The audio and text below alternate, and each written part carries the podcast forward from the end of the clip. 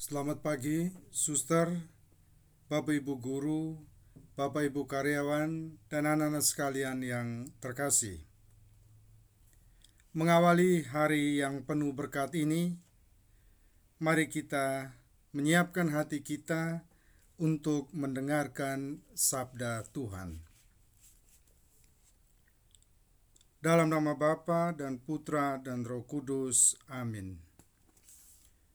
Tuhan Yesus, teladan hidupmu menguatkan iman kami dalam mengikuti Engkau. Tolonglah kami dalam mengusir kuasa kejahatan dalam hati kami yang menjauhkan kami daripadamu. Karena pertolonganmu, semoga kami tetap setia menjadi muridmu. Amin. Inilah Injil Yesus Kristus menurut Lukas bab 11 ayat 15 sampai dengan 26. Dimuliakanlah Tuhan. Sekali peristiwa setelah Yesus mengusir setan, ada beberapa orang yang berkata, "Ia mengusir setan dengan kuasa Beelzebul, kepala setan." Ada pula yang mencobai dia dan meminta tanda dari surga. Tetapi Yesus mengetahui pikiran mereka, lalu berkata, "Setiap kerajaan yang terpecah-pecah pasti binasa, dan setiap rumah tangga yang terpecah-pecah pasti runtuh. Jika iblis juga terbagi-bagi dan melawan dirinya sendiri, Bagaimana mungkin kerajaannya dapat bertahan? Sebab kalian berkata bahwa aku mengusir setan dengan kuasa Beelzebul. Jadi, jika aku mengusir setan dengan kuasa Beelzebul, dengan kuasa apakah pengikut-pengikutmu mengusir setan? Sebab itu, merekalah yang akan menjadi hakimu. Tetapi jika aku mengusir setan dengan kuasa Allah, maka sesungguhnya kerajaan Allah sudah datang kepadamu.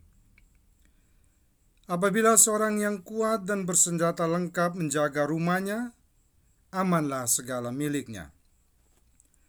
Tetapi jika seorang yang lebih kuat daripadanya menyerang dan mengalahkannya, maka orang itu akan merampas perlengkapan senjata yang diandalkannya dan akan membagi-bagikan rampasannya. Barang siapa tidak bersama aku, ia melawan daku. Dan barang siapa tidak mengumpulkan bersama aku, ia mencerai beraikan. Apabila roh jahat keluar dari manusia, ia mengembara di tempat-tempat yang tandus mencari perhentian. Dan karena tidak mendapatnya, ia berkata, Aku akan kembali ke rumah yang telah kutinggalkan itu. Maka pergilah ia dan mendapati rumah itu bersih tersapu dan rapi teratur. Lalu ia keluar dan mengajak tujuh roh lain yang lebih jahat daripadanya, dan mereka masuk dan tinggal di situ. Maka akhirnya keadaan orang itu lebih buruk daripada keadaannya semula. Demikianlah Injil Tuhan. Terpujilah Kristus. Suster, Bapak Ibu, dan anak-anak sekalian yang terkasih, setelah mendengarkan sabda Tuhan hari ini, mari kita merenung sejenak agar bisa kita gunakan dalam hidup kita sehari-hari. Suster, Bapak, Ibu, dan anak-anak sekalian yang terkasih. Hari-hari ini, situasi di negara tercinta kita sedang tidak nyaman. Demonstrasi atau unjuk rasa dan penolakan terhadap Undang-Undang Cipta Kerja terjadi di kota-kota besar di Indonesia, juga di kota kebanggaan Are Ngalam kota Malang ini. Bahkan di Semarang, Jawa Tengah, beberapa pelajar SMP ikut serta dalam demonstrasi itu tanpa memahami apa sesungguhnya tujuan mereka. Mereka ikut hanya karena mendapat informasi dari grup WA. Berbagai pihak yang terkait, pemerintah, DPR, serikat buruh, serikat para pekerja, mahasiswa, dan pelajar, dalam situasi seperti ini saling menuduh dan berprasangka negatif satu sama lain. Berita-berita hoaks bermunculan, sehingga terjadi hal sedih yang tentu tidak kita harapkan ini.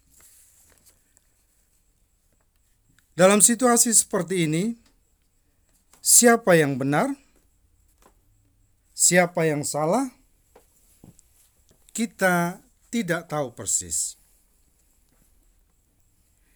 Injil hari ini mengajarkan kepada kita untuk tidak boleh menuduh dan memberikan penilaian negatif atas orang lain, apalagi kalau tuduhan itu tidak berdasar sama sekali. Apalagi kalau disertai dengan intrik atau motif negatif untuk menghancurkan nama baik seseorang atau menghancurkan sesuatu. Hari ini, dalam Injil yang kita dengarkan di atas, orang-orang Farisi menuduh Yesus menggunakan kuasa Belzebul tatkala Dia menyembuhkan orang sakit dan mengusir setan. Yesus mengecam tuduhan itu dengan jawaban yang amat menohok. Mestinya mereka langsung sadar akan kekeliruan mereka dan bertobat. Namun, dalam praktiknya tidak kelihatan sama sekali nilai pertobatan yang mereka tunjukkan. Suster, Bapak, Ibu, dan anak sekalian yang terkasih, mungkin kita juga memiliki kecenderungan yang sama suka menuduh orang lain, berpikir negatif, atau negative thinking terhadap orang lain.